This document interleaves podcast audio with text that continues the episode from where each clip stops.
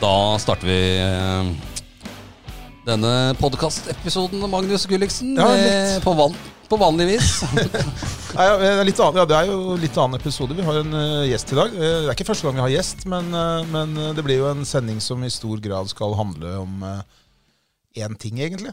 Ja, men det er ikke første gang du uh, må unnskylde deg for noe heller. Nei, eh, bare ta det med en gang. fordi eh, Sist gang så lagde jo vi et, et nummer av at eh, varaordfører Tønnes Stenersen stilte opp dagen etter eh, valget i en eh, Manchester City-drakt. Ja, det reagerer vi på den dag i dag. ja Eh, Han skal få komme her og svare for både det og hvorfor jeg måtte betale for å parkere i Ski i går. Ja, Men det, så, så kommer jeg til å si det at han sto der med og flasha Etiad-reklame og Saudi-Arabia på hele ØB-fronten.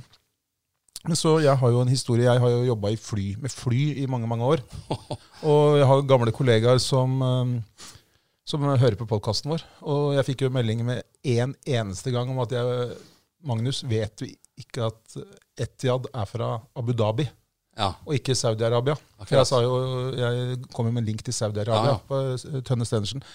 Det må jeg få retta opp i, men jeg står ved at en fyr som har vært i avisen i United-drakt, Liverpool-drakt, Manchester City-drakt Han har jo overhodet ingen Og ryggrad. innrømme at han holdt med Tottenham før han holdt med United. ja, Det går, det går ikke an. Vi kan jo spørre gjesten vår, eh, Hans Erik Eriksen, om det er greit? Altså at du sjonglerer i pressen i 18 forskjellige drakter, og alle hver gang så er det liksom favorittklubben din? Nei, det er langt på utsida. Og håper ikke det reflekterer andre ting han står for òg, da. Nei, Det er det jeg er livredd for. Nei, plutselig så, Hvis vi skal ha han i podkasten her, så, så, så introduserer jeg han som Tønne Stedersen fra Fremskrittspartiet. Så Nei, vent vent litt her. Jeg, jeg, Men jeg hadde, jeg bytta. jeg hadde en kompis en gang som bytta favorittlag ganske ofte. Og, og veldig ofte så bytta han jo til det laget som leda tabellen. Han er ikke kompis lenger. Og han slutta med det, for han skjønte jo, han ble jo litt eldre han òg, så slutta med det i 95. Og da enten endte han på Blackburn. Ja, for da leda dem var dem som var best akkurat da. Riktig. Jeg er ikke tidligere eh, juniortrener i Nei, det er ikke det. Men uh, nå er han eh, Blackburn-fan, da, så han har fått svi noen år etterpå. Ja, man skal ha for at han har holdt ut da, med det laget siden Ja, men jeg veit ikke hvor, uh hvor uh, entusiastisk han er nå. Nei da, sånn er det. Men uh, da kan jo, nå har vi allerede røpet Ja. hvem gjesten er. Du kan Ja, jo vi kan jo høre litt hva Hans Erik, eh, tidligere Follo-trener, driver med i dag. Ja, Bortsett fra å sitte her sammen med dere, da. Ja, Så jobber jeg nå i norsk toppfotball. Bedre kjent som NTF i, på sporten der. Eh, og har jo en tittel som er klubbutvikler og trenerutvikler eh, for toppklubbene. da. ja. Og toppklubber, er det først, eller elite første og andre divisjon, eller? Det er Eliteserien og Obos-ligaen. Ja. De 32 klubbene der. Ja. ja. Yes. Ikke Follo, da, med andre ord. Ikke enda, Ikke men eh, enda, ikke ennå. Men eh, snart, eh, forhåpentligvis. Det får vi håpe på, og det skal vi snakke litt mer om i dag. Ja, vi skal det. Follo rykka jo opp, som de fleste kanskje har fått med seg. Vi må jo benytte sjansen når vi har Hans Erik her, og, og snakke litt om det som skjedde med såret Follo. Det starta vel etter at Per Danfeldt trakk seg tilbake, så vidt jeg husker. Ja, Per ble sykemeldt utover Ja, høsten 08 der. Det var mange en periode som ble sykemeldt der. Eh, før det også, mm, husker jeg. Det var konkursbegjæringer, og det var eh, rekommanderte brev fra kemneren som aldri mm, kom fram. Ja, det kan nok Det var før din tid. Ja, jeg kom jo tilbake som juniortrener i 2007, Ja. så jeg var jo det i 7-8. Du fikk ikke det rekommanderte brevet fra kemneren? Nei, men det jeg fikk eh, Jeg fikk jo ikke så mye lønn da jeg var der i den Nei. tida der. Men eh, det spillerne gjorde da, var jo å selge doruller. Ja, Så på avslutningsfesten der så, så kom det en eh, en, eh, ja, altså en, eh, en konvolutt, ikke med penger, det høres jo veldig rart ut. Men en konvolutt med en lapp oppi hvor det sto at det var satt av noen kroner til treneren, for da kunne kanskje han få lov til å fortsette neste år. Ja, det var på det nivået der den gangen der. eh, Det var vel litt sånn i det hele tatt Det lå litt penger og fløyt en periode der. Ja, jeg Eh, vet ikke om det lå så mye penger og fløyt, men det skulle jeg gjort det. Burde jeg gjort. Det var, det, det var det, nettopp det de ikke gjorde. Men du, før, før vi går løs på det, så har jeg bare lyst til at vi bare får eh, Du har jo vært spiller òg. Ja da. Bare fortell litt om når og, og hvor. Eh, Jeg begynte jo å spille for Nordby Tott eh, da jeg var liten. Nordby Tott. Nordby Tott. Er det, er det Tottenham-link der, eller? Nei, det, for det første laget tilsynelatende het Knoll. Å ja, Ja. akkurat der, det er den, Og det er den referansen. Litt annen referanse. Ja. Eh, Så jeg kom på tott. Jeg starta litt seinere enn eh, oppstart, egentlig. Og kom hjem til fatter og sa at eh, jeg var egentlig godt fornøyd med første trening. Jeg Hadde spilt skarp. Og så sier fatter skarp. Han hadde jo vært ute av fotballen en stund, han. Da. Så tenkte jeg ja, ok, fotballen utvikler seg, det er noe nytt. Vi snakker jo nå i 85, kanskje. 84-85. Skarp er ikke alle som spiller. Nei, og da sa han du var ikke spiss. Jo, det var jo det jeg var, selvfølgelig. Spiss. Ja. Men det var jo i hvert fall noe som var var, var- noe du kunne skjære deg på, i hvert fall.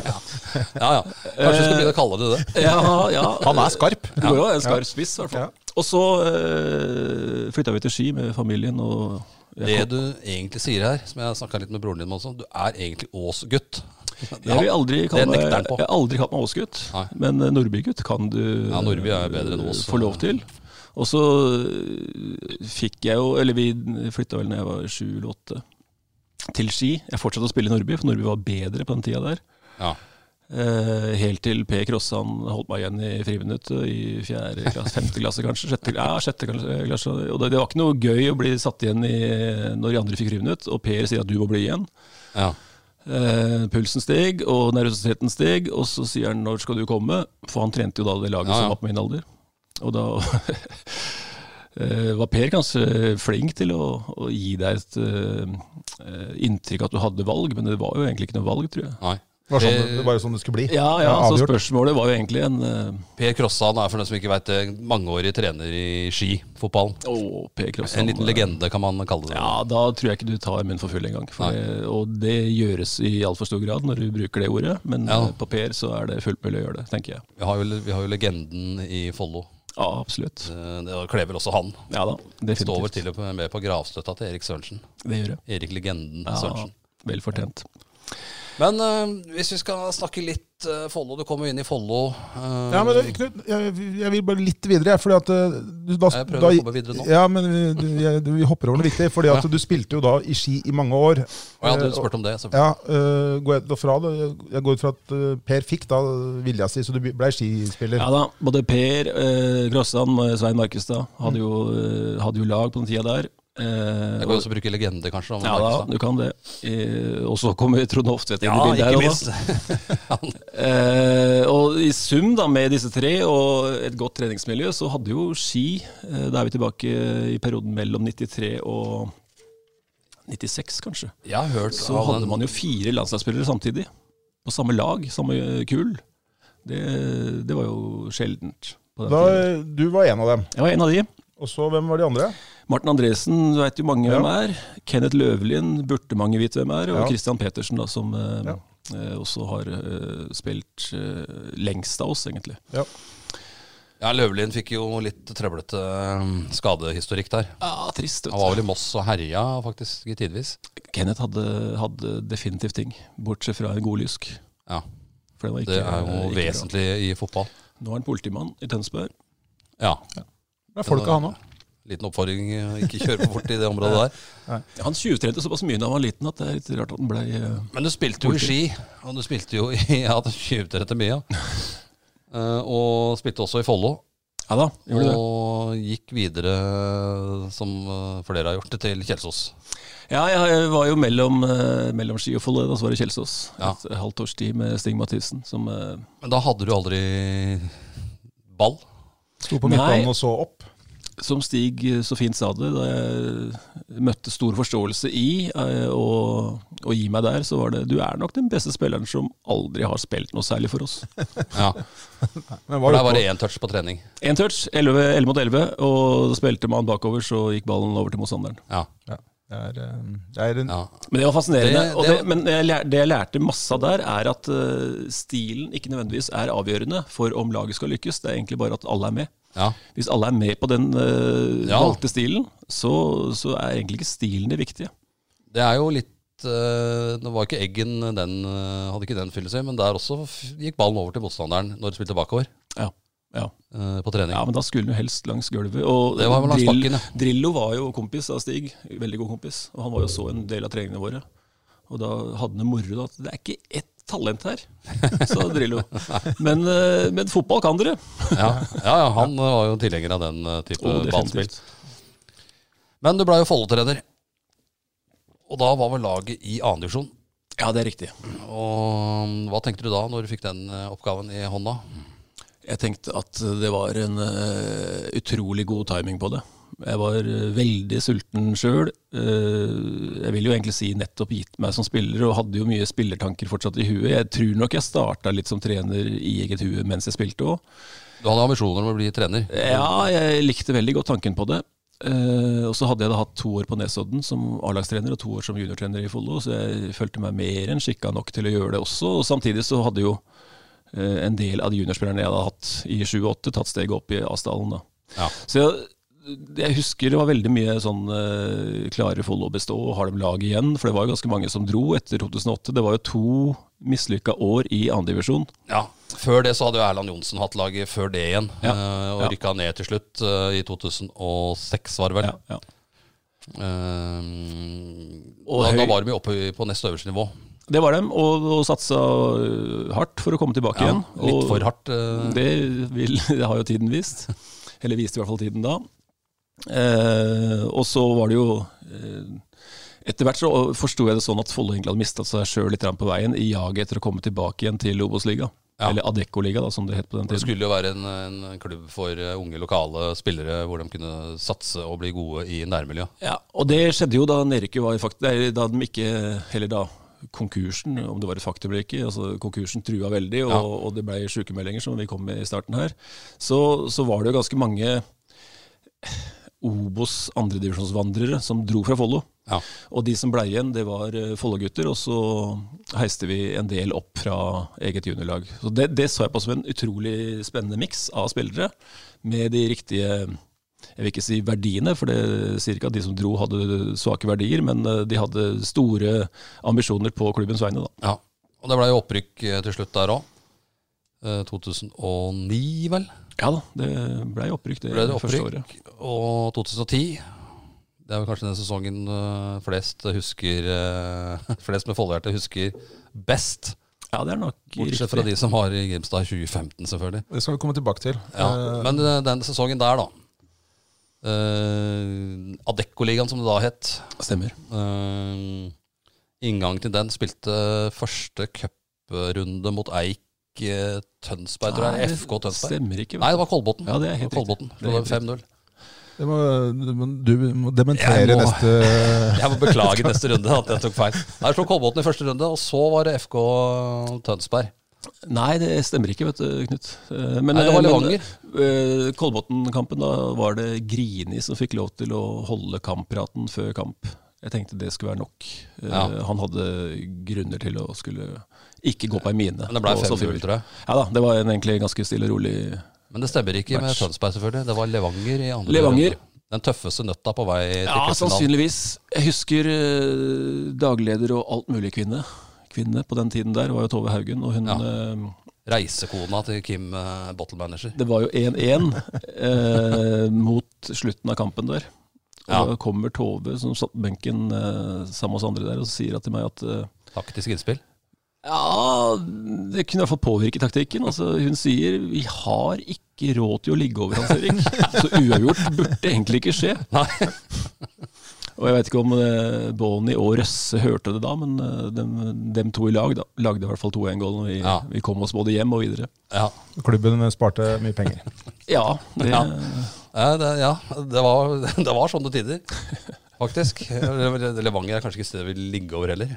Levanger er fint. Levanger-sangen trekker friskt i minnet. Ja, det er ganske mye asfalt i Levanger. Altså. Det er det. Men hva, ja, inngang til sesongen, hva var tankene da? Uh, ikke cupfinale, i hvert fall. Det var ingen som tenkte på etter Levanger. Nei, jeg skal ikke si det. Altså, uh, fordi jeg husker jeg, om det var ØB i forkant av sesongen der. Så, så si, spør en av dere, jeg husker ikke hvem det var, uh, hva er en vellykka sesong for Follo? Ja. Og da sier jeg jo i et intervju at det er å overleve i Adecco og, og spille cupfinale. Ja. Og så kan du si det, troverdigheten i det. Kanskje litt sånn uh, høy og mørk, som uttaler det, og man er fornøyd og forventningsfull til ja. til uh, sesongstarten. Men det var altså Jeg syns ikke det var så urealistisk. Og skulle, du må være heldig på, på veien, da, naturligvis. Jeg var ikke så heldig egentlig på veien med trekninga, sånn sett. Sogndal, Lillestrøm Ja, LSK i tredje runde. Ja, Og så Sogndal etter det, erindrer jeg. Et LSK som ikke hadde tapt på 14 kamper. Jeg husker jeg snakka med Frode Kippe før den kampen om undervurdering. og Det, det kom ikke på tale, sa han. Har du hørt en spiller noen gang svare ja, nei, det er fare for det, eh, når du får et sånt spørsmål? Nei, nå, jeg, har ikke det. Det må være Paul Gascoigne eventuelt. Så kan han ha svart det. at, Men Henning Berg nei, husker jeg var og så på oss, han trente jo laget da. Han eh, var og så på oss hjemme mot Nybergsund, tror jeg, eh, uka før. Ja. Eller var det Alta? Og vi spilte 0-0 og var fryktelig dårlig. Så det at et menneske med fotballkunnskap og kompetanse som han har, reiser hjem fra Ski stadion der og tenker shit, her må vi ordentlig, ordentlig opp i ringa, ja. det, eh, ser jeg på som en umulig task. Ja. Så jeg brukte det i hvert fall til meg sjøl, at uh, hvis det er noe positivt fra den kampen her, så er det at Henning Berg går hjem med en, en god tanke om at det her kommer til å ordne seg. Det går ganske greit. Bare det er en ball og to dommere. Ja, da, men han kom jo Med s- kjempegodt lag, da. Ja, han kom med et kjempegodt LSK-lag, Ja, ja. som fikk eh, Som tapte 4-2. 4-2. Ja. Jeg tror vi går og, Agge tror jeg skåra to av dem. Han skårer to av dem, ja. Vi hadde dobbel Christian på topp, Peters i mellomrom og Nei, Peters på topp og Bami i mellomrom. Ja. Og da begynte det å lukte litt grann, uh, muligheter. Selv om Ja. du fikk Sogndal i neste runde. Så det, var Ja, det er nesten riktig, over. Knut. Det var FK Tønsberg. i Ja, FK. Tønsberg var det selvfølgelig. Knut har hatt mye sånn nesten rett ja, så langt i dag. Ja, Nei, det, det tar jeg alt på husken her. Men det stemmer, det. FK Tønsberg eh, på Tønsberg eh, gressbane. ja. Eh, Som vel ikke var gressbane Nei da, det var da. eh, kunst, ja. Ja. Eh, 2-1, eller? det blei vel eh, 2-0, tenker jeg. 2-0, ja. Ja. Nesten. Mark Ja. går og griner, To, som ja. skårer mål. Og da husker jeg, jeg eh, altså, Du er jo fornøyd når du møter Tønsberg. De hadde slått ut Vålerenga og Stabæk det året der. Så de var jo ordentlig go. Da fikk hjemmekamp, og de, hadde jo, de var jo kjempefornøyd med å møte Follo, som var det kanskje svakeste, presset, Ja, ja. svakeste laget igjen. Og vi var jo godt fornøyd med å møte Tønsberg også. Hvis man hadde borte mot Tønsberg, så, og topp annendivisjon mot uh, nedre halvdel av Adecco, som vi var da, det, Mm. det kan jo være jevnt, men der syns jeg jo vi fikk fram rutinen i laget da, og spilte en veldig kontrollert, god bortekamp og vinner greit 2-0. Og ble det er jo, Mot et lag som Tønsberg så var ikke det en sensasjon den gangen. Nei, Altså, nei, nei. for En del av de andre resultatene dere fikk det året, var jo en sensasjon. Det var jo mer som det skulle være, egentlig, det, den Tønsberg-kampen. Ja, det og Levanger også, egentlig. Ja, absolutt. Eh, absolutt. Levanger også var vel ikke oppe det året der. Så vidt Nei, det var erindrer, den var andredivisjon, dem òg. Men Sogndal det var jo et bra lag. Ja. I hvert fall brukbart et. Uh, og de kom jo da i neste runde, før, uh, før semifinalen. Ja, det er riktig.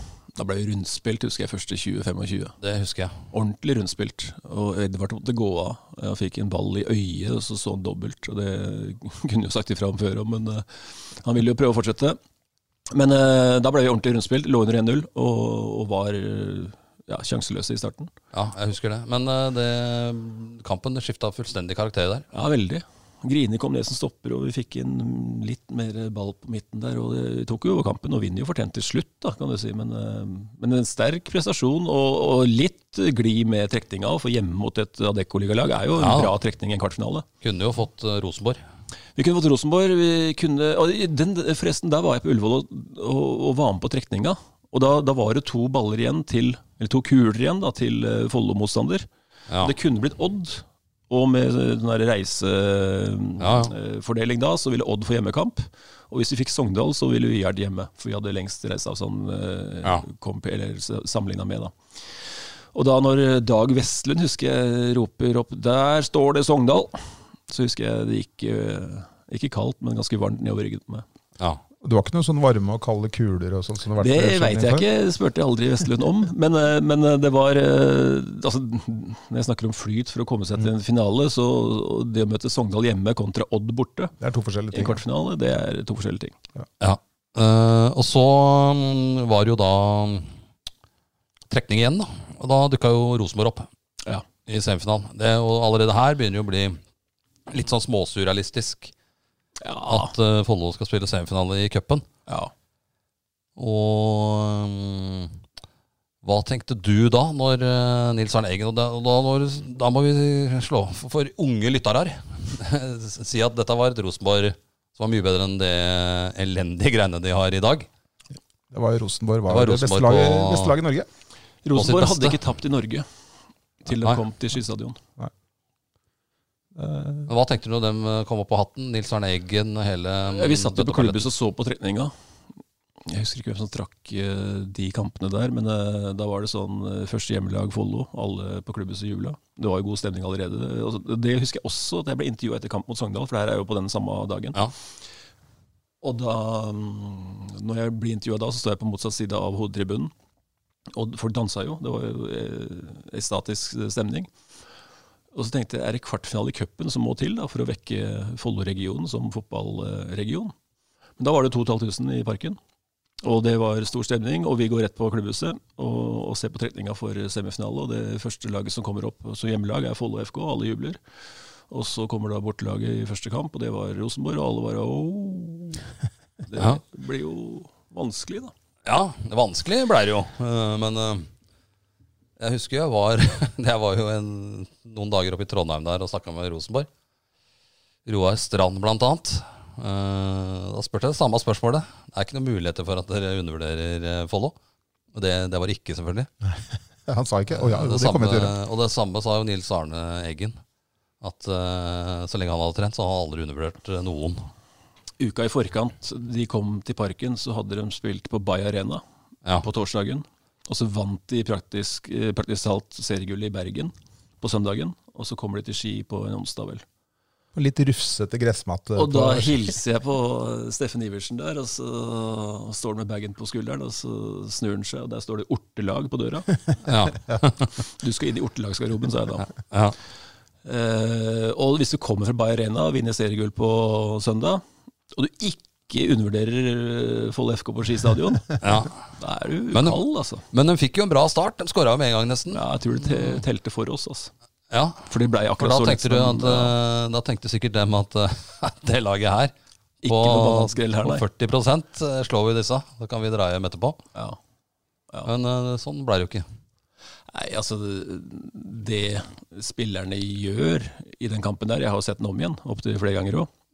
Du har det, ja? Du, du, har sett den i reprise? De ender jo opp altså, Follo er bedre enn en Rosenborg i kampen der. Ja, Og det sier jeg jo med objektivitet, egentlig, og noen år på, på bakken. på baken. ja. Ja, det var, jo, det, var jo, det var mye folk i parken. Eh, Det offisielle tallet ble vel fem, fem eller? Ja, det var nok drøye Men eh, 5000. det var jo ikke lov å stå i den ene gressvingen mot videregående skolen der. Nei. Men det var, det var noen som sto der. Ja, da. Det var jo litt med brannvesenet som det gjør, men jeg tror de også så litt gjennom, gjennom fingra den dagen. Det var jo kaldt, og muligheten for at det skulle begynne å brenne, var jo liten. Ja. Ja, nei, det Så det Altså, jeg, jeg tror kanskje ikke det er først og fremst brann brannvesenet er der for heller. Altså, sånn, når det er så mye mennesker. Jeg Eh, tenker brann med en gang. Hvor skal disse gjøre av seg? Men ja. det er jo lett. Det er jo bare å løpe ut på åkeren. Men, men du, jeg skal, nå skal jeg teste deg på en ting. fordi at eh, i, For et temmelig, litt, over, litt mindre enn et år siden så holdt Knut og jeg en sånn quiz på jule, et sånn juleselskap hos Stil. Ja. Og der jobber jo matchvinneren. Ja, fra, definitivt. eh, Han fra- visste ikke hvem han scora på. Nei, for det ene spørsmålet er hvem sto i mål for Rosenborg i den eh, semifinalen? Ja. Og, og ikke engang målskåreren eh, din eh, visste det. Nei. Da må vi teste deg, da. Hvem sto i mål for Rosenborg? Ølund. Det er riktig. Daniel Ølund, ja. Ja. Det er jo en mulighet for at du har analysert Rosenborg bedre enn det Mats Clausen gjorde før den ja, kampen. og vi er jo da tilbake i en tid hvor vi hadde jo ikke noe analyseprogram sjøl i. Follo FK, men uh, vi hadde jo en, eh, en god kollega og, og venn i Vålerenga som styrte Vålerenga på tida der, og han uh, har jo et sånn veldig betent forhold til Rosenborg. Ja, Han fikk vel det etter et intervju for noen år siden. Ja, altså Veldig betent forhold. Så han eh, forsyna oss med så mye, til og med analysesjef, om Rosenborg før den kampen der. Ja. Så at vi stilte godt forberedt, definitivt. Men ikke Mats var en- Clausen. At det var, nei, men det er ikke alt spillere trenger å vite heller. Neida. Nei da. Eh, Og du bør jo ikke vite navnet på keeperen å da. Det, det, Neida. det husker jeg jo eh, Det kom jo seinere, men det var vel Fredrik Nordkveldet som spilte på Strømsgodset. Ja. Som var neste motstander. Ja. Vi var jo og snakka med han òg. Ja. Og Jostein Flo og den gjengen der. Og han fikk da spørsmålet fra oss uh, hvor Follo kom fra. Ja. Og Nordkveldet han, han innrømma han var helt uinteressert i fotball. Ja. Han syntes det var morsomt å spille fotball, men uh, han fulgte, fulgte ikke med på fotball i det hele tatt. Men han, hvis han skulle ta sånn gjette, da, så trodde han rundt Hamar-området. Han fulgte ikke så nøye med på geografi heller, tydeligvis. Men, uh, men, Nei da. Eh, Nei, men han var, var ikke interessert i fotball. Nei. Nei. Sånn er det. Vi drar litt tilbake til den Rosenborg-kampen, for det er jo by far den aller aller største fotballkampen som har vært ute på Ski stadion. Det tror jeg vi kan være enige om. Ja, det- Dere fikk en dårlig start. Du hevder i ettertid, eh, og etter å ha analysert den, at dere er det beste laget. Ja. Fortell litt mer hva som skjer i, i kampen der. Jeg, jeg husker bruddstykker av det. eh, Men eh, de som hører på, hører, vet kanskje ikke så mye. Nei, altså, jeg møter jo, jeg møter jo Nils Arne Eggen et par år etterpå på cupfinaleseminaret. Og da tar han Altså, jeg sitter med ryggen til, jeg veit ikke at den kommer, og så plutselig begynner han å massere meg på ryggen, og så sier han 'der skitten', vet du. Der skitten. og da sitter vi i kantina på Valhall her, vi skal, en, eller vi skal se på en praksisøkt. Og da blir det jo et ti minutters foredrag da, med Nils Arne Eggen om Follo Rosenborg. Og han forteller jo at uh, dere vant fortjent, uh, for dere angrep, og, og det er måten å vinne fotballkamp på. Og så dro han sammenlignet med det Follo-laget der, og Mosse-laget fra 87.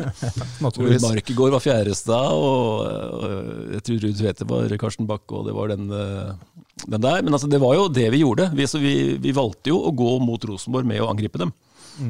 Men og satte opp en, et lag som skulle matche dem eh, mer eller mindre mann og mann, sånn eh, fysisk.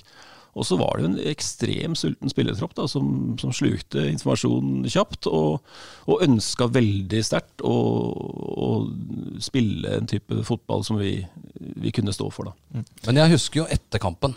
Eh, Da var det jo en sur Nils Arne Eggen som sto utafor klubbhuset, som ser klin likt ut nå som da.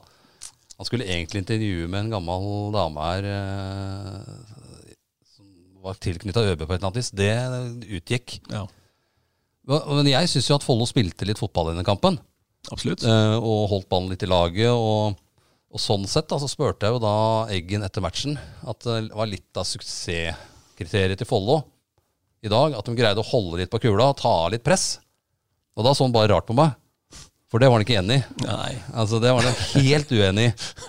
Alle de andre journalistene så ut som var enig med Eggen. da. Men jeg mener jo fremdeles eh, at eh, det var tilfellet. At det var en av suksessfaktorene i den kampen. At dere greide å ha ballen litt sjøl. Ja, men definitivt. Og ja, helt avgjørende faktor for å vinne over Rosenborg på den tida der. Det, som ingen andre norske lag gjorde på norsk jord. Så var det jo å ha et eget angrepsspill. Ja. Og jeg mener, nå har jeg ikke det helt til huet, men jeg mener jo den eh, skåringa som Markegård gjør, er etter 14-15 pasninger i laget. Ja. Og det var ikke så mange norske lag som prøvde å spille sånn mot Rosenborg i 2010. Når, eh, fordi at Rosenborg tok ledelsen 1-0 ganske tidlig, og så, så ble det 1-1. Stemmer. Det var Markegård. Det var Benjamin Dahl Det Hagen. var Benjamin, det var stemmer. Og så uh, gikk Rosenborg opp til Ja. 2-1 igjen. Ja, ja. ja. Og så kom Markegård. Da kom Markegård, ja. Mm. Det var et fint mål. Og så ble det da ekstraomganger. Riktig. Og da kom Mats Clausen med Det er ikke ordentlig treff, Nei, det er sleivtreff. Men jo, men ja. Nei, det er ikke det. Men jeg må si en ting om det målet. Det var ingen Jeg har et litt sånn Det er ikke dritbra bilde av eh, når han skyter. Men det er det eneste bildet som fins av det målet. For alle de andre sto på motsatt side Ja. og tok bilder. Jeg tenkte jeg får stå igjen her. Da sto sto jeg da ned mot eh, klubbhuset ja. Og får akkurat opp kameraet når han fyrer løs. foran, altså. Ja, Enten det, eller så kan det hende at han syns det var litt langt over til den andre sida der. du er inne på det. Du er inne på det. Men, nei da, men, eh, men, eh, men nei, da, vi, vi, vi snakka jo med Mats om dette, om han traff ordentlig eller ikke. Men han hevder jo at det var eh, Ja, Han hevder jo at det var iskald Jo, men han, han som jobber sammen med dere her, da, og er i familie med meg, han var jo keeper. Ja. Ja. En gang keeper, alltid keeper. Og han sa jo at de, de hardeste, beste treffa er de enkleste å Ja, redde. det er enig, Jeg er gammel keeper sjøl. Fordi at du har på en måte en, et, et reaksjonsmønster som, som er basert på hvordan et skudd normalt kommer i en sånn situasjon. da. Ja, ja. Og det er ikke en sånn treff som normalt kommer. Nei. Så jeg er enig med broren din i det. Ja. Det spretter jo litt sånn uggent ned Ja, det. Gjør det. Så kan du hende VAR hadde tatt den holdninga Bonnie, eller uh, bodysjekken han gjorde med han uh, Wangberg. Kanskje han hadde tatt den i dag. Det var vel litt protester der, eh, erindrer jeg, Ja, fra trønderen. ja. Men det var jo en trønder som dømte òg, så det klart Ja. nok var ikke, i hvert fall. Og Wangberg her sutra, han sutrer jo rundt på fotballbaner ennå. Ja. Så Men eh, jeg vet ikke hvor mye vi skal drodle videre. Det ble jo Strømsgodset cupfinalen. Ja.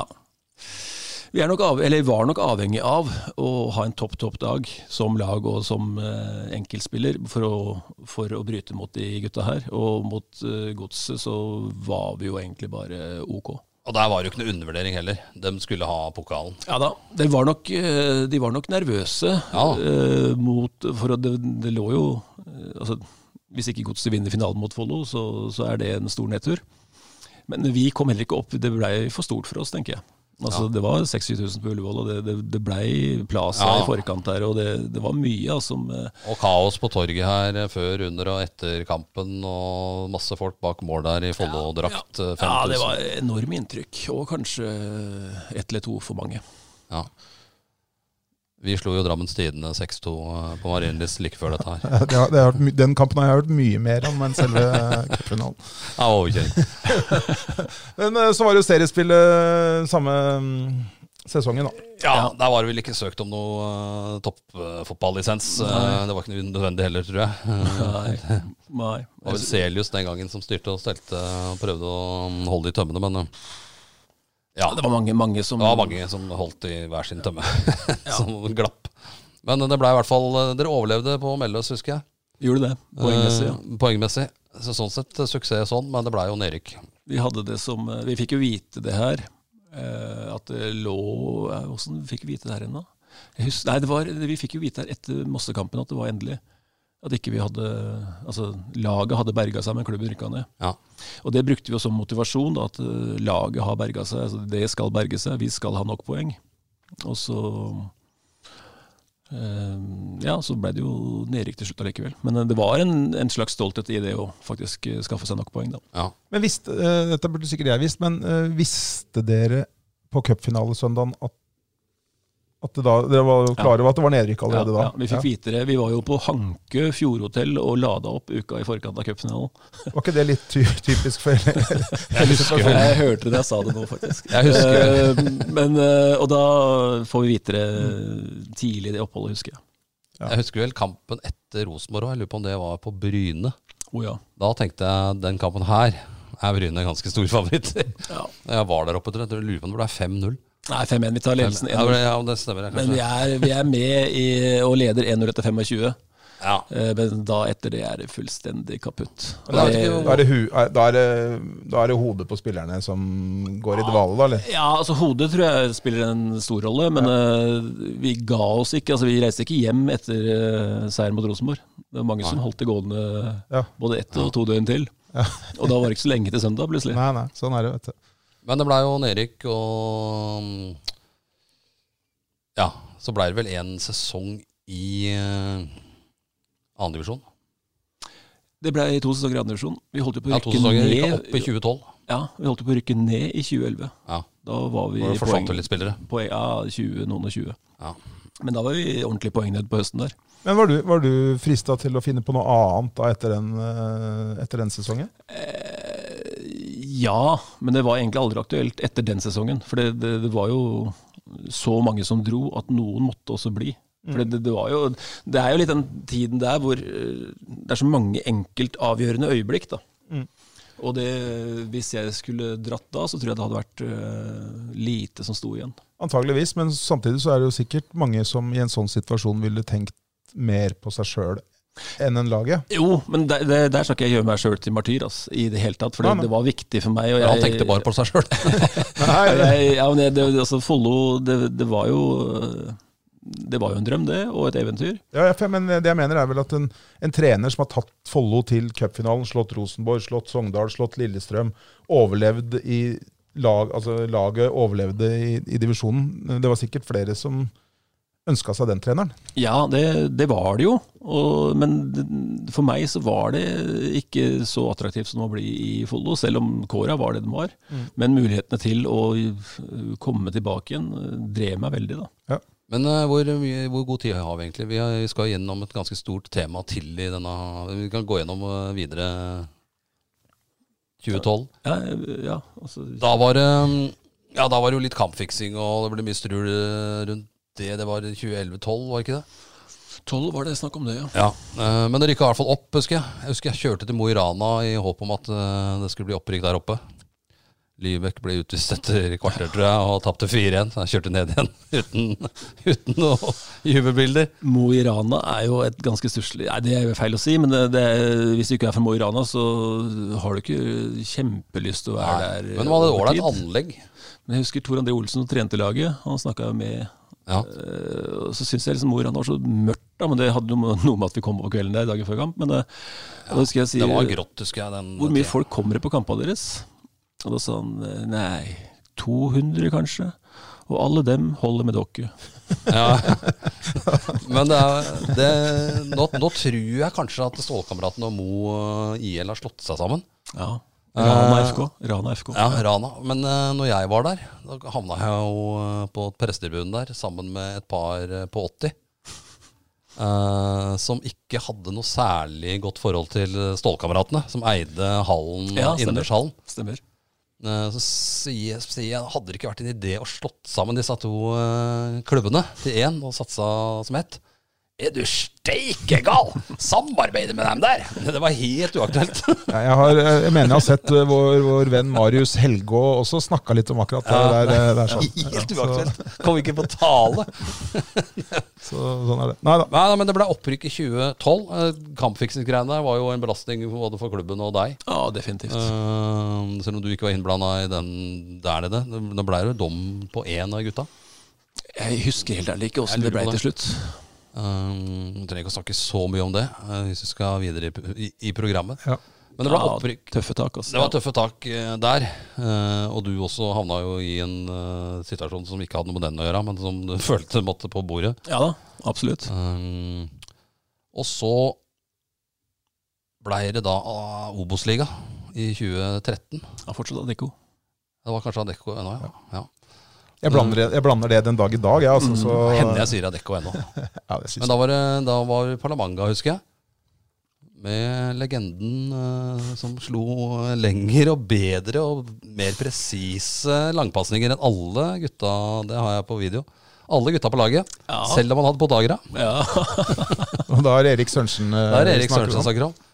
Han, eh, ja, han hadde rekorden med antall treff på rad i tverrleggeren. også. Ja, men han, han gikk jo i 17. mai-tog her i 150 år i strekk. Og Triksa. Og, triksa. Ja. og vi mista ikke ballen på de 150 åra. Altså. Én Ja. gang. Nei, det, det, er liksom, det er sånn barndomsminne når jeg så borgertog i Ski. Erik, Erik eh, Sørensen. Trikse.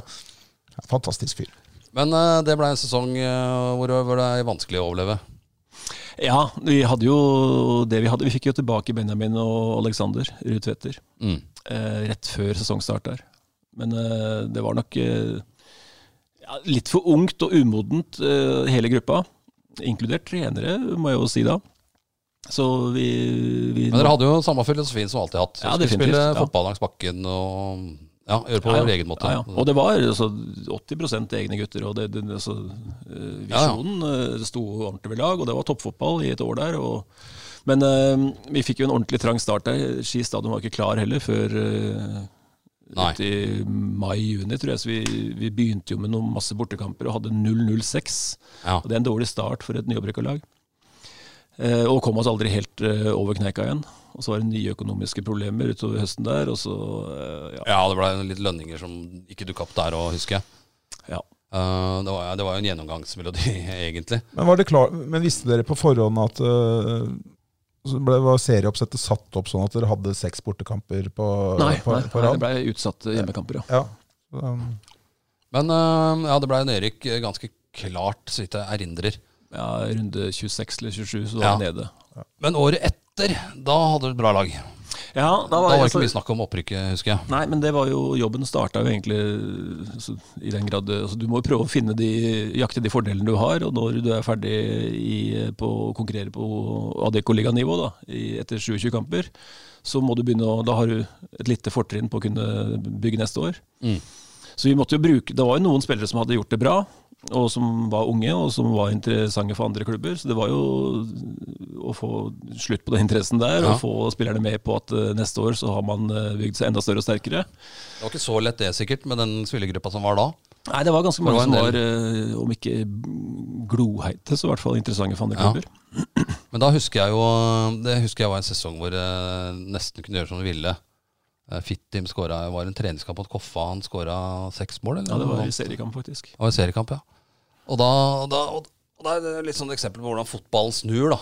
Ja. Jeg husker at jeg skulle spille treningskamp mot Kvikk Halden, som jo har vært bedre enn Follo nå i noen år. Og det var ikke noe vits i å spille mot Kvikk Halden med det beste laget. Nei. Nei. Da ble det for ujevnt. Ja. Og samme med Moss, erindrer jeg. ja, det kan stemme, det. Moss var heller ikke noe spesielt gode da. Hvis du spiller fullt lag mot Moss, så har jo, jo egentlig ikke noen av oss utbytte av det. Nei. Nei, nei, altså det var jo en, eh, det var en ung spillertropp som var på vei opp og fram og elska Follo. Og, og, spilte for, seg, for hverandre og, og seg sjøl og egen karriere. Det var egentlig en enorm flott spillergruppe. Altså, som, Mange av dem fikk jo en karriere òg. Ja, definitivt. Og hadde vært i klubben over tid. Altså, det, det var viktig for dem at Follo FK ja. skulle være gode. Og det ble jo rett opp. Uh, ny La Manga-tur, husker jeg. Uh, samme, samme tiraden fra legenden. At han fremdeles, fremdeles var bedre enn de fleste til å slå langpasninger. Og mer presist. Uh, han og Kim var jo med, husker jeg. Ja da. Hvem, men 2015, da, og da, da spilte det jo Det var jo en Jeg vil jo nesten si det at det er det beste Follo-laget som har vært. Ja da, men da hadde vi også fått bygd uh, mye over tid, da. Så at uh, spillerne kjente hverandre, kjente konseptet godt. Og, og at det fløyt i uh, en del kamper, det ikke bare skulle mangle, men altså det, det gjorde det jo. Ja. Hva sa Davy Vatne? Ja, ja, jeg var jo på Brann stadion. Det var første kampen til Lars Arne Nilsen, jeg erindrer jeg. Ja, etter at svensken fikk sparken i Brann etter noen dårlige resultater der. Rikard Nordin. Rikard Nordin, ja. Han tok vel over AIK igjen. Ja da, gjorde det, bra, gjorde det ganske bra. Så det var jo Bergenslufta som ødela for han. Mm. Men uh, det var første verset til Leif Arne Nilsen, og det var i pausen uh, der Vatne sier at uh, jeg, jeg, er fullstendig sjokkert. Vi er rundspilt! 45 minutter med ett lag på banen! Men det var 1-0 til Brann, tror jeg. Pause, men ja, Davy var helt sjokkert over at Follo hadde hatt ballen mest da, på Brann stadion. Ja. Eh, det var det som sjokkerte han. Eh, hadde du hatt en annen spiss enn Håvard Dalseth, så hadde du vunnet den kampen. Ja, også, ja nei, Håvard, Håvard hører sikkert på dette. Ja, men Håvard nei, var, han var jo ung. God, kampen. ja, han var fryktelig god i kampen der. Ja, Han, han skulle skåra der. Ja, og det gjorde han nesten òg. Ja. Eh, ja, bare for å mobbe han litt grann her. Ja, Det er ikke noe behov for det her, altså. Nei da. Nei, altså Vi var jo bra i den kampen der, og noe av gameplan husker jeg også var at no, også, ta bort den der entusiasmen som ny trener kan skape. Ja. og alt det der, Og ha ballen. Det er ikke noe gøy for noen bergensere at Follo har ballen i, i Bergen. For Det regna, men det var mye folk der? Ja, det var mye folk, og det var, det var en god gjennomført kamp av, av spillerne, det. Men, eh, men vi satt jo igjen med en ja. god opplevelse, men ikke så mange poeng. Det skulle bli 2-2 på slutten her, når uh, Mjønner header inn 2-2 der. Ja, enig. Uh, det er, jeg står jeg jo rett ved siden av, ja. og det er jo tidenes dommertabbe å annullere det målet. Ja, men det er de keepera og disse femmeterne, altså, altså inni femmeteren. Ja, men det er jo en scoring. Altså, ja, da, det, det fratatt en scoring der. Ja. Og det, det, hadde gjort alt så utrolig mye bedre. Altså, og fått med seg et poeng fra Bergen med en så god prestasjon den gode prestasjonen blir litt fattig. Selv om den betyr noe, så blir den litt for fattig når det ikke er noe poeng med. Det ene poenget ville jo kunne jo blitt viktig også. Ja, ja. det, det, det, er jo selvfølgelig riktig, men det er klart at i løpet av en sesong så er det mange sånne enkeltsituasjoner som kan gå med og mot. Så det blir ja, litt uh, ja. Men jeg skjønner, jeg skjønner hva du mener, fordi at eh, man, gjør, man reiser liksom Men det står jo der, da, og er jo i ferd med å redde plassen. Ja da. Uh, i, i, Grimstad der. 2-0 uh, eh, leder jo Follo. Stemmer. Det holder med ua... Nei, nei, det holdt ikke med uavgjort, men holdt med 2-1. Det, det, var jo noen andre stater her som var Ja, Fredrikstad tror jeg tapte, og de sto jo og grein uh, utenfor ja. Fredrikstad stadion, uh, for de trodde at det var slutt i Grimstad. Ja. Jeg husker at jeg sier til Alexander Karlsen Strande, vi står bak målet der Nå må jeg skifte linse, for da skal jeg ta jubelbilder, mm. sier jeg til Alex. Mm. Og så skjer det jo noe på venstresida der, og et innlegg som Glenn Andersen får krangla i mål. Eh, ja, det var ikke helt patent keeperspill heller. Det var kanskje ikke det. Jeg sto for langt unna til å Jeg har ikke sett det. Han, han har krangla inn mange mål i den posisjonen, ja. Eh, han. Men da, da ramla det jo litt sammen. Ja, det, altså, det, indre liv hos veldig mange da ramla helt sammen, i hvert fall. En, eh, en, merkeligere opplevelse etter kamp enn den garderoben i Grimstad. Det tror jeg aldri kommer til å oppleve. Hvordan var den bussturen hjem?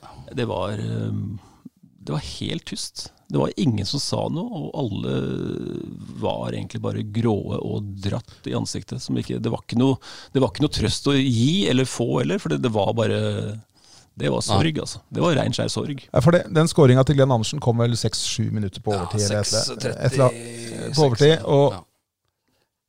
kampen var egentlig slutt. Ja. Hadde han bare latt være å skåre der, så hadde ja. dere holdt den plassen. Og så ryker man det er, Jeg mener kanskje at det er Bami som mister ballen. Men hvis han hadde bare kalka den til Gokk eh, ja, der så hvis han lager en frispark, eller hva han gjør for noe. Ja, han lager kanskje frispark. Ja, ja. Han bare tuppa den ballen. Han skulle drible, tror jeg. Han bare tuppa den eh, ned i lia der. Så han, uh, Det er mange enkeltvalg man skulle gjort annerledes. Men det jo, du har jo snakka litt om det for du, litt om det seinere, at uh, du hadde jo den filosofien du hadde, men du ville jo gjort noe annerledes hvis du visste det du visste. Har du sagt det en eller annen gang? I den Ja, sesongen? I den sesongen at du Ja, kanskje altså, hadde man- noen, gjort noen tilnærminger? Ja, men man blir, jo, man blir jo flinkere, da. uh, av å uh, se tilbake og lære av, Ja. av feil. da. Og at jeg var feilfri i min periode i Follo, det, det, det medfører ikke riktighet. Men når jeg ser tilbake, så, så var Jeg gjorde mitt beste da jeg var der.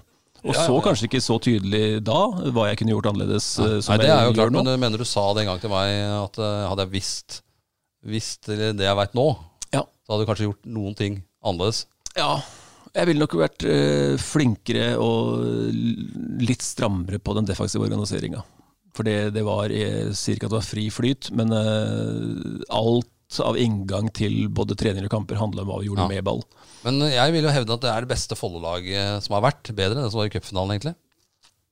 Det var et, eh, et mye bedre lag for fotballøyet. Men det var noen vinnertyper på det 2010-laget som, eh, som definitivt hadde gjort det vanskelig for 2015-laget å vinne mot dem. Men eh, det er klart, i, i flyt og i, eh, i spillkonsept så var 2015-laget lenger framme enn 2010. Men så skjer det jo noe før sesongen der òg, som ødelegger. Fittim eh, går til Bodø-Glimt. Ja, For en slikk og ingenting, egentlig. Eh, Sånn eh, i Follo Follo fikk jo ikke mye penger for, av den Nei, overgangen. Nei. Det var jo de som hadde gått inn med penger i spillere. Ja. Eh, som egentlig eh, så, Som jeg ser, en helt håpløs overgang. Når du veit at Follo egentlig ikke fikk noe penger. Det var bare for å godgjøre de som hadde gått inn med penger. Og dem hadde jo ja. Tapt de pengene, egentlig. Ja. Altså, De går jo ikke inn der for å var, var igjen. Fittim var jo fysen sjøl på å prøve seg på, Ja på det nivået der. Men Men hadde ikke rykka ned med han som spiss. Det er jo lett å tenke at det hadde vi ikke gjort. Han hadde skåra 31 mål i året i forkant. Og Samtidig så er det en del lag som i ettertid har rykka ned med han som spiss. Ja, i ettertid så er det det. Ullern i år. ja, det er jo ikke sant. Men, nei, For han altså, skal ikke ha skylda for nedrykket til Nei, Ullern. Nei, er svarte det. Men, nei, og, men Fittim var god da, altså. Og, Ja. og det er klart, det skjedde ikke mange dagene før seriestart, så det, det satt jo gruppa litt tilbake sånn sett. For han var jo Han var, jo, han var jo den tiltenkte spissen som spilte flest minutter eh, Eller som var tiltenkt flest minutter i løpet av sesongen, regner jeg med. Ja, og vi hadde jo egentlig et andre spissalternativ, var Alexander Utveter. Han, er- han er jo kjempegod, og er jo fortsatt det i dag, men er en helt annen type, da. Så mm. vi hadde ikke muligheten til å spille på de to og, og de egenskapene de hadde, da, i like stor grad. Men så, ja. Det blei jo nedrykk. Follo rakna jo ganske greit. Eh, vil det, det, det, Anders prøvde, Særvold, som tok over, prøvde jo å holde liv i det litt, men det forsvant jo mye spillere Ja. med en gang der. Og ja, midt i en sesong seinere der også forsvant vel Ble alle kontraktene sagt opp. Uh, Udal og disse her eh, en sesong som var der, som var i HamKam nå. Ja, solo i Odd. Ja, Solo i Odd, ja. Han den som kanskje har blitt aller best av dem. ja, ja. Han er rett og slett dritgod. Ja. Så da, da mista jo alt der, og da rykka de jo ned, husker jeg, på, eh, i Bærum her eh, i 2017, eller? Om Ja. Det var det siste Ja, sesongen i andre divisjon.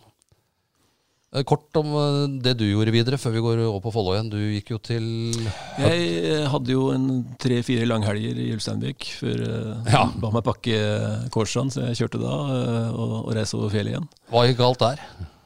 Det, det tror jeg, Hvis man prøver å si det enkelt, så hvis eh, Follo-boka mi var på 1000 sider, så starter jeg på side 768, da jeg kommer opp dit. Og egentlig Ja. forventer at folk eh, forstår konseptet i mye større grad enn det de gjorde. Men det er jo litt kortsiktig vil jeg si, av Hødd da. Å ansette en trener med en sånn filosofi. Og så oi, fader. Ja, men altså, hva, hvem er klubben? Og så, jeg sier, det var to som var veldig interessert i å få meg over der. Det var Nevstad han ene, eller? Ja da, og, og han Geir Hansen. Mm. Eh, og så spørs det hvor eh, forankra det var i klubben. For der hvor dem eh, flagger forandring veldig høyt, så, så opplevde jeg jo ikke at alle Nei, i Ulsteinvik ville forandre seg. Det skjønte jeg. Eh, men det, der òg, når jeg ser tilbake, altså det, det er mye jeg skulle gjort annerledes, og mye jeg lærte av eh, altså, det å komme eh, det var jo, De ville ha eh, Follo-fotball. De ville ha det Ja. konseptet, eh, de som henta meg. Ja. Men det var ikke Og jeg husker vi slår Sandnes Ulf 2-0 hjemme. Er ordentlig gode. og sånn, Den kampen jeg så der, var ordentlig bra Hødd-kamp. Den beste til da. Eh, masse sjanser og høyt ballinnhav og sånn som det skal se ut. Godt forsvarsspill. høyt i banen. Og da sier han ene styremedlemmet, visstnok, da, det hørte jo ikke jeg, men han sier jo det i kampen er slutt, så sier han sånn, sånn skal vi ikke vinne fotballkamper i Hødd. Nei. Nei, du skal jo helst vinne på overtid, da, litt ufortjent. Ja, og, en lang ball eh, i Ja, bakrom som kanskje en dødball. Da, stopper som, misser. Ja, som uh, spretter i bakre stolpen. Det er klart, da blir det jo tungt. Da er det tungt. Og da, da Men det, er jo, men det gikk jo som du sa, skeis, og så fikk du jo muligheten i Kongsvinger. Det I ettertid har jo Kongsvinger vist seg å ikke være en klubb som tar vare på Nei, treneren nå, jeg begynner å bli stolt av rekorden min der, Du med har jo vært en av de lengst lengstsittende trenere i Kongsvinger. Ja, det er jo, jeg tenkte jeg skulle ringe Nystin og høre om det finnes en plass til statue der oppe. For det, ja. der er det jo ni, Ja, det er ni trenere trenere på elleve år. med Vegard Hansen nå. Og seks av de ni hadde sittet i kortere enn et år. Ja. Så da begynner det å bli en god prestasjon da, å ha levd såpass lenge der oppe. ja. Ja, Men det er, altså, det er jo en annen ting å løfte. Altså, og, øh, ikke, altså, det, var, det var slitsomt å være trener på Kongsvinger, bo i Ski, ha barn som vokser opp, eh, og du burde være på begge plasser samtidig. Ja. Hele tida. For det er jo det litt sånn du krever, kanskje. Eh, Ja, du, det krever mer noe- enn å bare du kan, ja, Vi skal tilbake til det når vi kommer inn på Follo, og sånn jeg var trener i Follo. Ja. Ja, altså, jeg har ikke funnet noen uh, vidunderkur altså, mot det å være topptrener og det å være en stabil, god familiefar. Den, den kombinasjonen er uh, uhørt uh, vanskelig. Men du vurderte aldri å ta med deg familien og flytte til uh, Kongsvinger, eller? eh, Ingen liksom- gjør det. Nei, eh, for en periode kanskje, men det kommer litt an på alder på unger, og det er en del sånne Ja. ting selvfølgelig å ta. Men, men det, er jo, det er jo en pendlevei som folk med en vanlig kontorjobb hadde sett på som helt umulig. Og Ja. tre, en trenerjobb er jo ikke en kontorjobb, eh, en A4-kontorjobb. Nei, men altså, det var, altså, Dilemmaet mitt var jo å flytte til Kongsvinger, som jeg så på som noe seigt. Det skjønner jeg veldig Ja. godt. Eh, men samtidig, det øker sjansen for å gjøre en ordentlig god jobb. Mm. Og da, eh, og, og det jeg sa til meg sjøl ofte, var hadde det vært New York eller London, eller noe sånt, så hadde det vært noe helt annet. Det er lett å flytte dit. Men så kunne jo da et, eh, et flytt til Kongsvinger sørga for at om det ikke hadde vært New York og London, så kunne neste sted man flytta til, hadde vært uh, mer eksotisk. da. ja. Trondheim. Men den, uh, men den uh, sjansen tok jeg aldri, eller Nei. og, og tenkte jo også Det var jo lett å være trener i Kongsvinger etter å ha vært i Ulsteinvik. Altså, da, var jo, da, flyttet, da bodde jeg jo der oppe, aleine. Mm. Og hadde litt FaceTime og, og noen uh, visitter hjemom, og de kom opp til meg et par ganger. Men da var det så lettende å tenke bare Kongsvinger etterpå. For det er jo eh, kortere avstand, men, eh, men mer lang nok. ja. Ja, det er det. er, du er liksom halvveis når du kommer til Kløfta, og jeg syns det er langt til Kløfta. Ja, jeg, jeg kjører i Gardermoen nå, så får jeg jo de vibbene der. Ja. Ja, det er det. Men eh, etter det, så da frista det ikke med noe trenerjobb eh, kanskje med en gang? Nei, jeg fikk litt, grann, eh, ikke avsmak, for jeg elsker fotball, jeg elsker coaching og elsker spillere og spillet.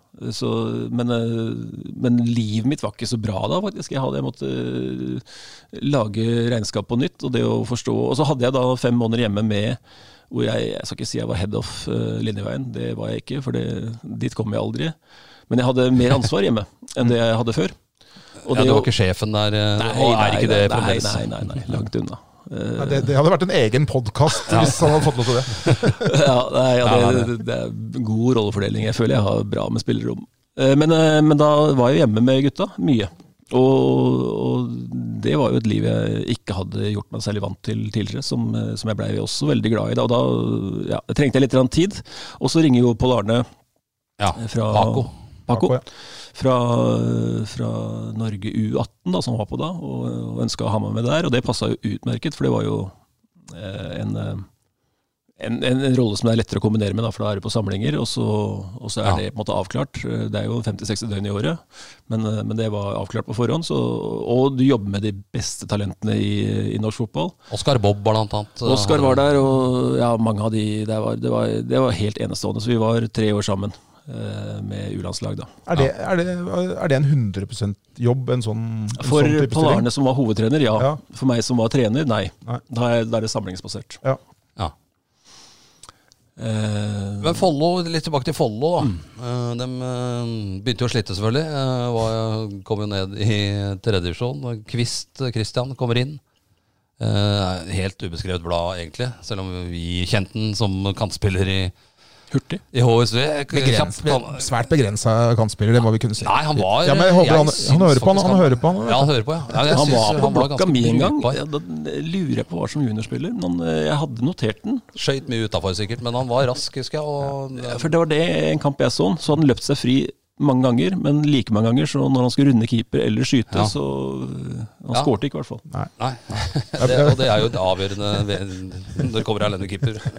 Ja, Men han kom jo inn og tok over eh, et Follo eh, som lå nede, da, kan du si.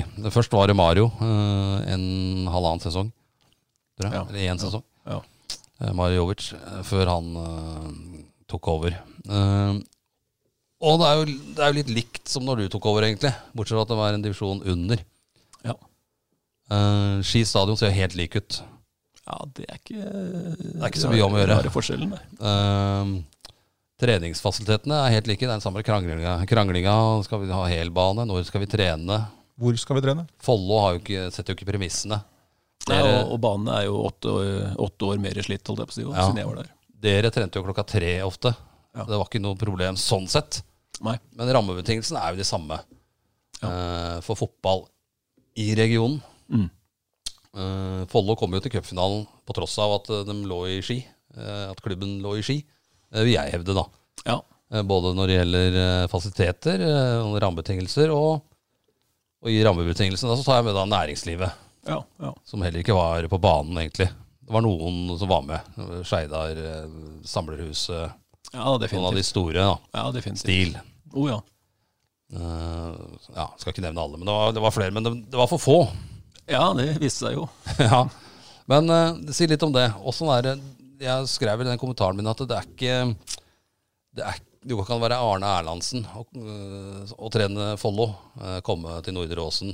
Kjeglene er framme, ballene ligger der. Eh, vi skal trene en og en halv time. Jeg drar hjem etterpå.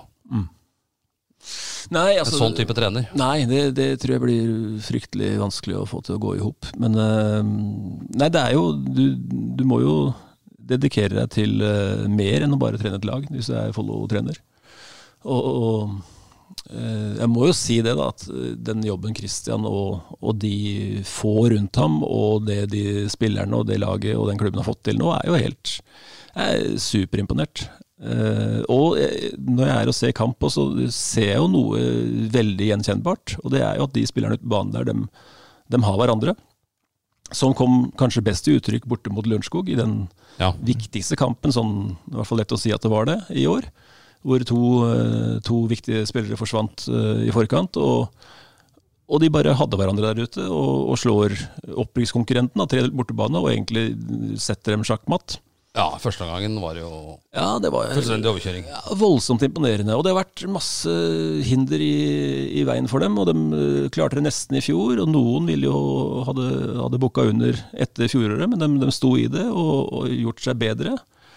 Eh, på tross av, som du sier. da. Så det, det, er, det er veldig sterkt gjort. altså. Ja, nei, jeg, jeg, sier jo til, jeg sier jo til alle jeg snakker med som øh, mener noe om fotball, og det er veldig veldig mange av dem jeg har med å gjøre, men øh, det er veldig mange av dem som aldri er på Ski stadion og ser øh, Follo spille kamp. Um, at det, det er, dere må komme, for den, altså, de spiller en veldig morsom fotball å se på. Altså, det er en publi altså, jeg syns de spiller på en måte som gjør at det er øhm, det er rett og slett artig fotball, og det er, litt av, det er litt av den filosofien du hadde som trener også Ja. i de åra Follo var, eh, var Men- veldig gode. Men det er litt Det er greit nok at de spiller fotball, og det er jo på grunn av De legger ned voldsom innsats i det. Men rammebetingelsene er jo helt like. Ja. Som når Follo fotballklubb ble danna i 2000, egentlig. Ja.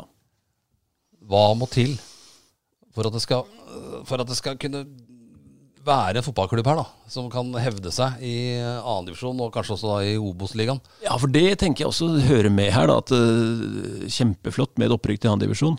Uh, men Follo som region da, de skal jo ligge eh, i hvert fall på nivå over. Og, det- er det grunnlag eh, for.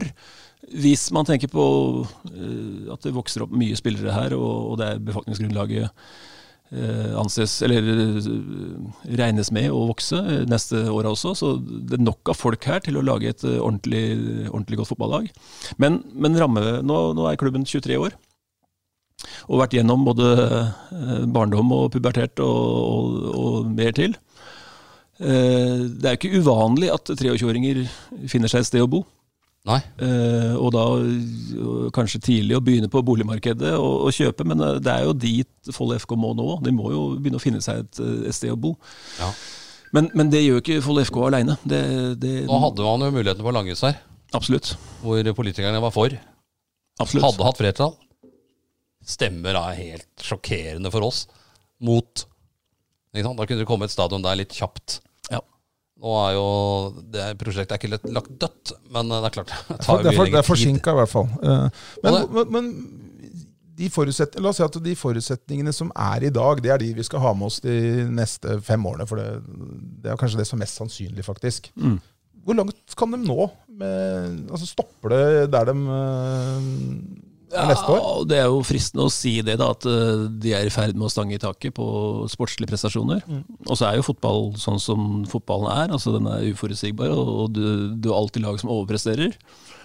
Eh, Klaksvik skal jo ikke eh, spille Europa Nei. eller Conference League. Skal Noen vil jo kanskje si at Follo har over, overprestert i år, når du ser en del av konkurrentene. Ja, det, altså utvilsomt, da. Utvilsomt. Og, øh, men, men toppfotballen krever noe annet i dag enn den gjorde fra de åra vi snakker om òg.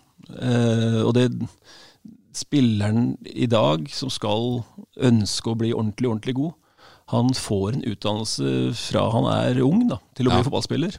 Og det, om vi har lagt til rette for det her i Follo-regionen, er jeg jo veldig usikker på. Eller det er jeg ganske sikker på at vi ikke har gjort det. Ja, Sammenligna med hva andre uh, unggutter får muligheten til, da, med samme drømmene som de som uh, vokser opp i Follo. Det har jo litt med samarbeidet med de andre klubbene i området her også. Ja, men Det har noe med den grunnleggende forståelsen, Ja. tenker jeg. Eh, for hva som skal til for å bli god. For der har det skjedd mye på spillerutviklingsbiten i mange klubber og mange regioner. Ja, ja. Eh, Du blir ikke god ved å ha en pappatrener, eller ikke for å slenge noe dritt om pappatrener, men du, du må på et, eh, på et stadion bort fra breddeklubben ja, altså å få skolerte trenere. Ja, det er det viktigste eh, Det viktigste for utøveren er jo en, en ordentlig god veileder, som da er trener i det øyeblikket her, eller i det sammenhengen her, da. Og den treneren han må kunne veldig mye om, om veldig mye. Han må kunne mye om veldig mye. Annet det å, å lage et, eh, et pensum for spilleren. da, som eh, for han, Spilleren skal tilegne seg en kompetanse som da tåler krava toppfotballen stiller. Eh, Og da skal du kunne også mye som spiller. Mm. Både med altså, teknisk, taktisk, fysisk, mentalt og emosjonelt og alle de kategoriene der. Men også som menneske, som du skal tåle ganske mye for å, å være robust nok da, i møte med eh, det støynivået unge eh, møter i, i, på vei opp og fram i dag. Og da kommer vi jo fram til det hvordan få til det i denne regionen. Ja. For vi er ikke der nå. Nei, jeg er ikke der nå. Ganske langt unna òg. De som vil bli gode, går jo til en annen klubb uansett. Ja, det begynner jo å bli tall på det, at det er ganske mange. Og det er jo ikke, det er jo ikke sånn at uh, Da kommer vi litt inn på dette her om Follo skal ha yngre lag eller ikke. Uh, kanskje 14-årslag, 15-årslag, 16-årslag. Og da er jo argumentet fra småklubbene rundt at uh, da raserer du hele årganger. Ja, er jo den du får høre alltid. ja. Men jeg vil jo ikke si at den årgangen til ja, Natu Thomas da, ble rasert på Langhus, selv om han er i Follo nå. Nei, altså jeg øh, har jo vært uh, tilknytta et aldersbestemt lag i Ski nå i tre-fire år, og jeg, jeg tenker ikke at det er grunnen til at øh, noen av de 48 aktive spillere på det laget, da, eller det kullet, slutter. Eh, så kan det være en eller to, kanskje, men altså Jeg tenker jo i en verden vi lever i nå, så må, så må breddeklubbene også bli mer robuste i møte med sånne situasjoner. For hvis det er interessant å ha toppfotball i regionen her, så må eh, si, formen på det vi driver med, endre seg noe. Og det å endre seg er, er ikke så lett, det. Nei, men det er, det, og så er det mange som får for bakenforliggende ting da, som gjør at de vil ha dem i, i klubben da sjøl. Det er sikkert, ja, som du sier, raserer årganger. Økonomi sikkert med treningsavgift, mister noen spillere. Ja. Laget blir dårligere. Men da glemmer jo han som har lyst til å bli god. Ja. Og han stikker jo uansett. Uh, Antonio Nusa er jo et dumt eksempel, egentlig, for han er en eksepsjonell type Ja. eh, som gikk som 13-åring. Men også han lette, husker faren hans, Joe, lette etter muligheter her i området. Ja. Når han gikk til Stabæk. Ja. Så kan du si at det var flaks at han havna i Stabæk, sånn som Ja. det har blitt. Men også han eh, syntes det var dumt at ikke Follo hadde noe tilbud da, Ja. når han var 13. ja.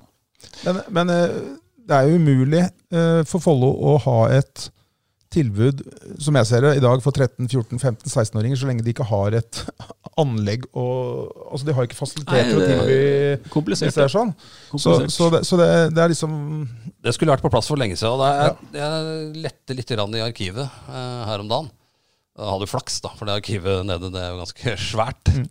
Men jeg tenkte etter en eller annen opprykkssesong. Og dette her er fra november 20, 2004.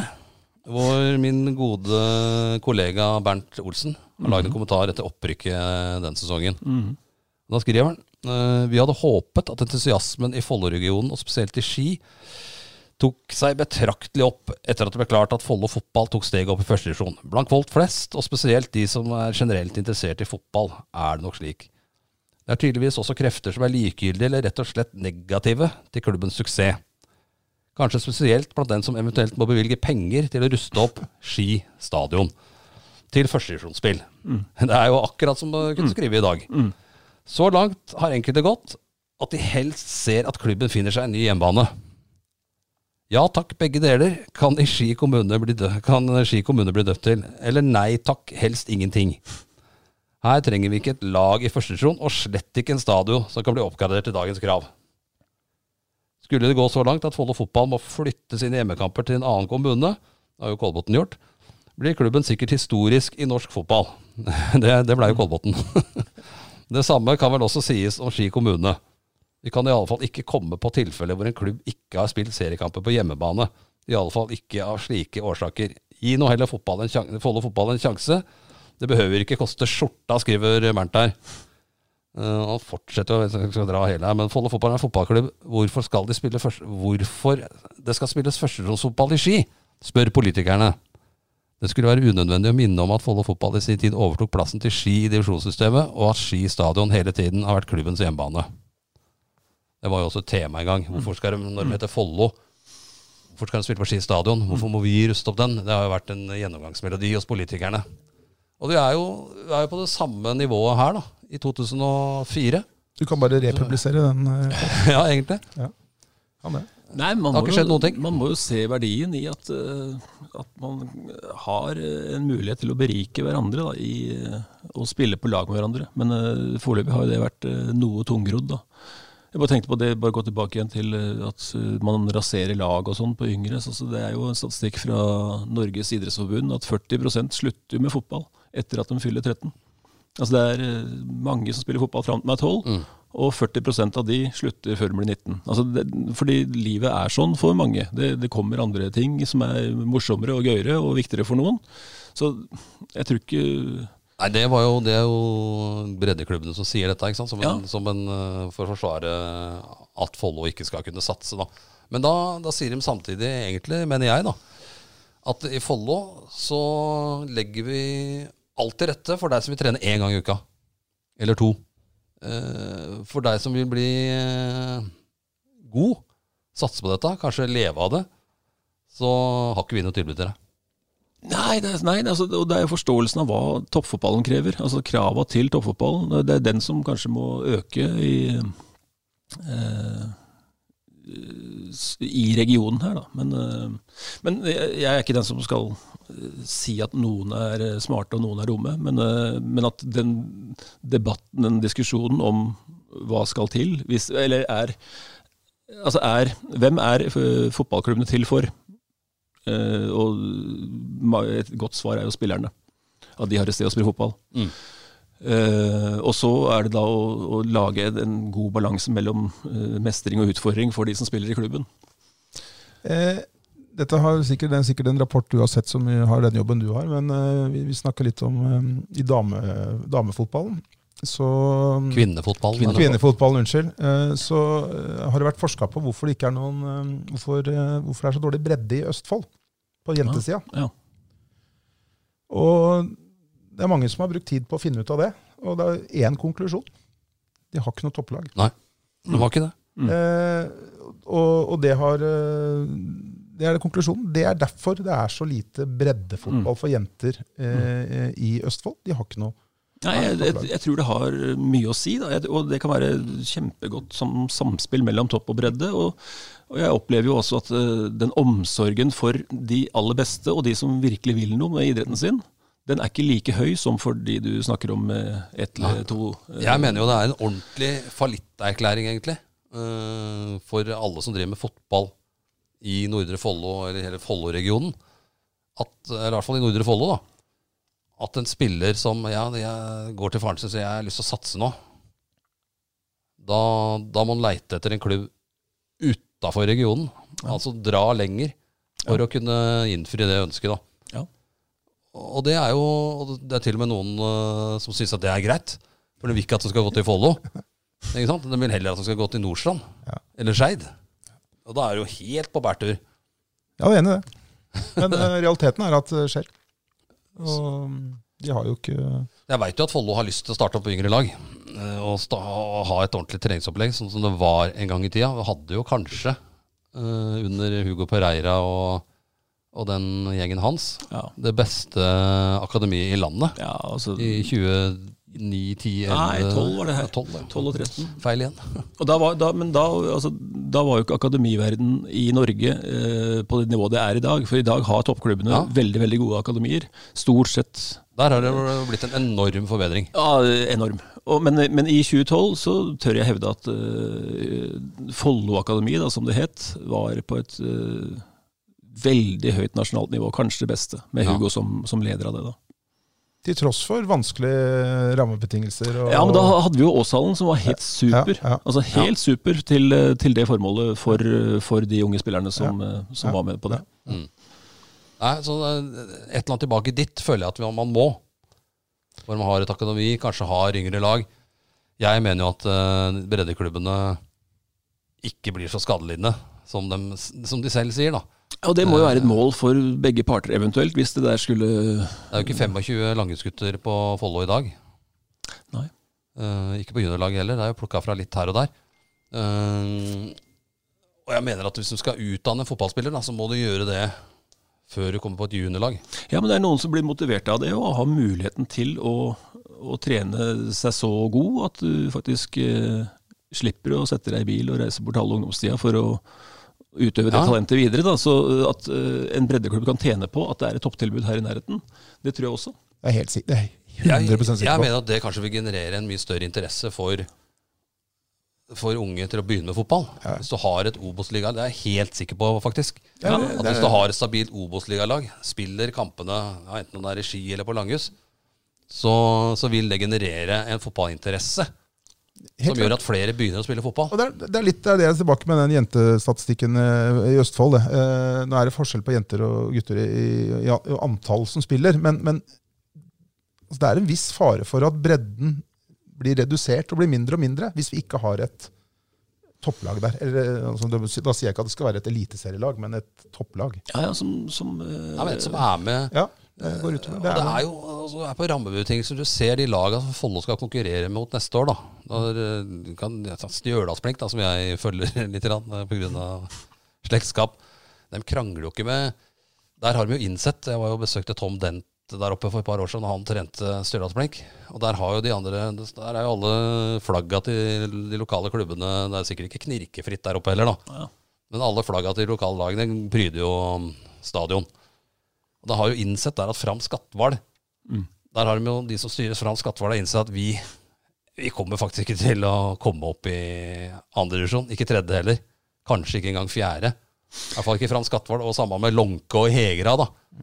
De har skjønt at skal vi, skal vi kunne tilby fotballspillere her noe annet enn å dra til eh, Ranheim eller Trondheim eller Levanger, Mm, mm. så må det gjøres i Stjørdalsblink. Og det er ikke sånn at de krangler med et breddelag om de skal trene da eller da. Det kan jeg aldri tenke meg. Det Nei, gjelder men- alle de klubbene Follo møter neste år. Hødd, kanskje Jerv, Skeid, Ja. Egersund, Arendal, Vard. De er jo prioriterte lag i sine kommuner. Ja. Det fordrer at du, du som eh, en del av Follo-regionen tar av deg klubbhatten innimellom og, og, og spør er toppfotball viktig i vår region. Og Er svaret ja på det, så må man være villig til å se på løsninger. Er svaret nei, så er jo det også et svar. Ja, og da, men da, er da må du forholde deg til det. Og Ja, da, er det, ja. da er kanskje toget for toppfotball godt. Ja. uh, så er, men, Ja, i hvert fall for samarbeid. Er i hvert fall godt, da. Ja, ja. Eh, Follo har jo lyst til å prøve for det, selvfølgelig. Ja da. og, og disse spillerne forsvinner jo uansett. Så hva er, hva er, liksom, hva er problemet med at de går til Follo Mm.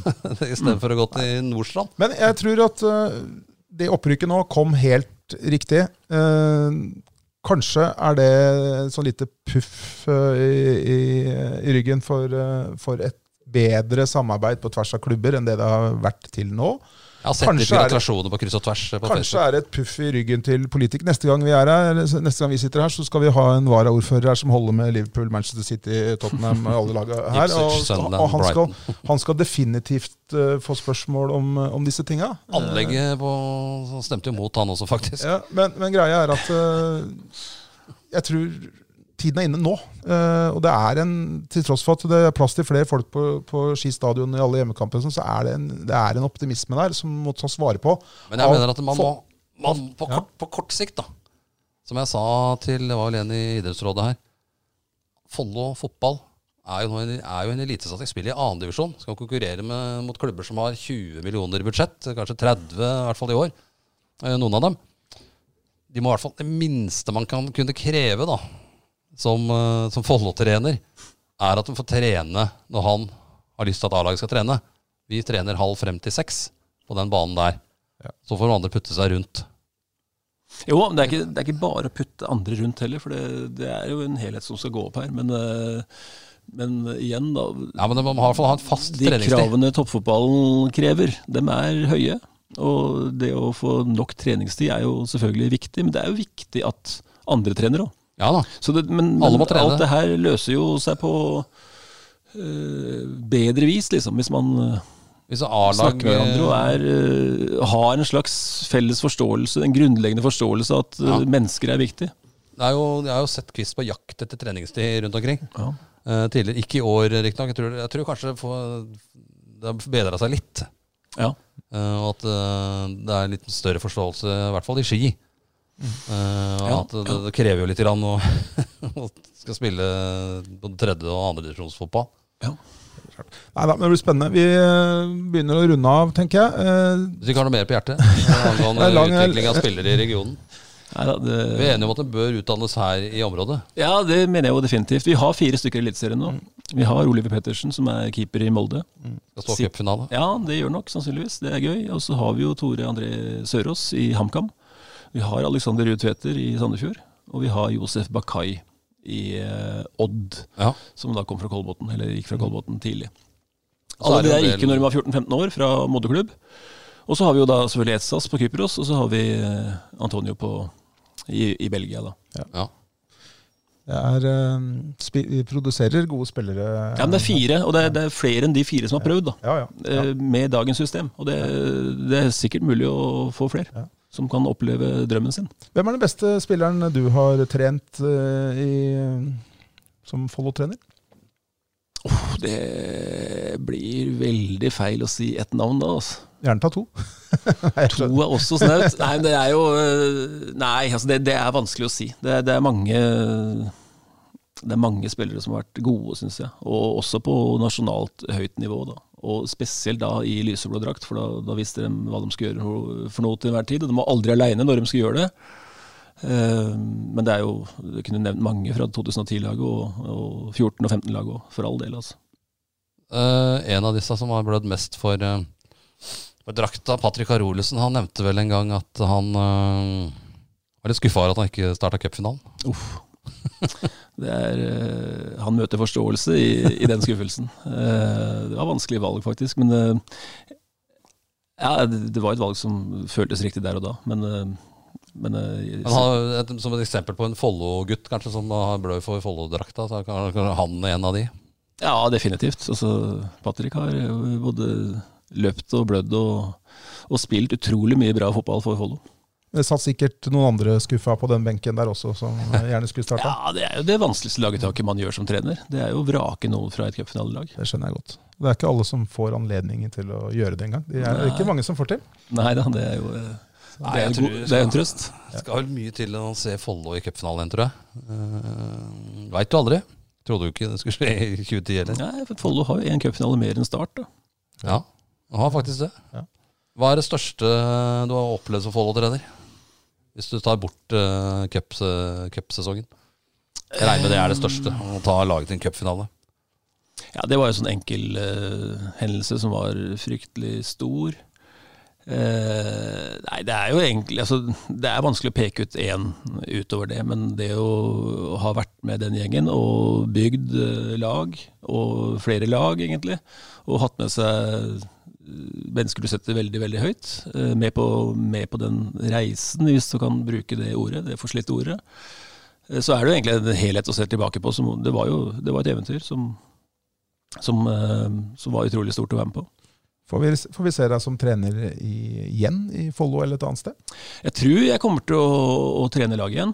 Eh, nå begynner jo regnskapet på hjemmebane å Hva heter det for noe? Å ordne seg. Ja. Eh, så, og lysta til å drive med, med spillere og, og coaching og, og være en del av et team, ja definitivt. Det er, den er høy, den. Og så er jo alt som alt annet. Timing og, og rett sted og til rett tid. Kanskje gjennom et strømlinjeforma opplegg i Follo, hvor man kan utdanne spillere på de forskjellige nivåene. Sportssjef? Sportssjef tror jeg blir mer og mer eh, interessant for norske klubber å dykke mer inn i. Som, eh, for det, det å dra de lange linjene i sportslig i fotballklubber, det har vært en mangelvare i norsk toppfotball over tid. Eh, og, og sånn som den, eh, det mandatet en sportssjef burde ha i en fotballklubb, er jo spennende. Det måtte vel kanskje vært drømmejobben? Sportssjef i et Follo fotballag som har rammebetingelser, treningsfasiliteter og det de trenger for å kunne være en toppklubb? Ja, det, det hadde vært kjempegøy, selvfølgelig. Og Nei, Det kommer noen oppfordringer som politikere her med å få på plass dette anlegget som de egentlig burde vært i gang med nå. Helt klart. Det, er en, eh, det synes jeg var en fin eh, avslutning eh, på en fin prat. Og så syns jeg vi skal oppfordre alle til å møte opp i, på stadion Søndag. søndag, klokka tolv. Klokka tolv. Jubelkamp, siste kampen mot. Oppsal. Uh, gratis inngang. Det er um, Hver tilskuer er verdt en viss sum penger. Jeg er ikke helt sikker på Både til klubben og til Kreftforeningen. ja. Så det er jo egentlig ingen grunn til Det er å en vel fortjent hyllest til laget, syns jeg. At folk tar turen til Ski stadion på søndag. Tolv er jo ikke noe annet. eh, Det er jo bare å stå opp og dra på Rekker, rekker frokost og få på deg litt klær, for det blir sikkert kaldt. Og så er det fortsatt fint gress og alle muligheter for god fotball bort på banen her. Kan gå ubeseira gjennom uh, tredje divisjon. Gjennom hele 2023. De har ikke engang tapt i Nei. cupen. Hvis ikke Nei, ikke regner straffekonk som tap. Nei, regner ikke. Ja. Så sånn er det. Nei, men du, Hans Erik, takk for eh, en lang prat. Det er tror jeg den lengste podkasten vi har hatt. Men det, Nei, det er ikke den lengste. Vi hadde ishockeypodkast her. Jeg har ikke hørt maken til skravling på Kenneth Thomas. eh.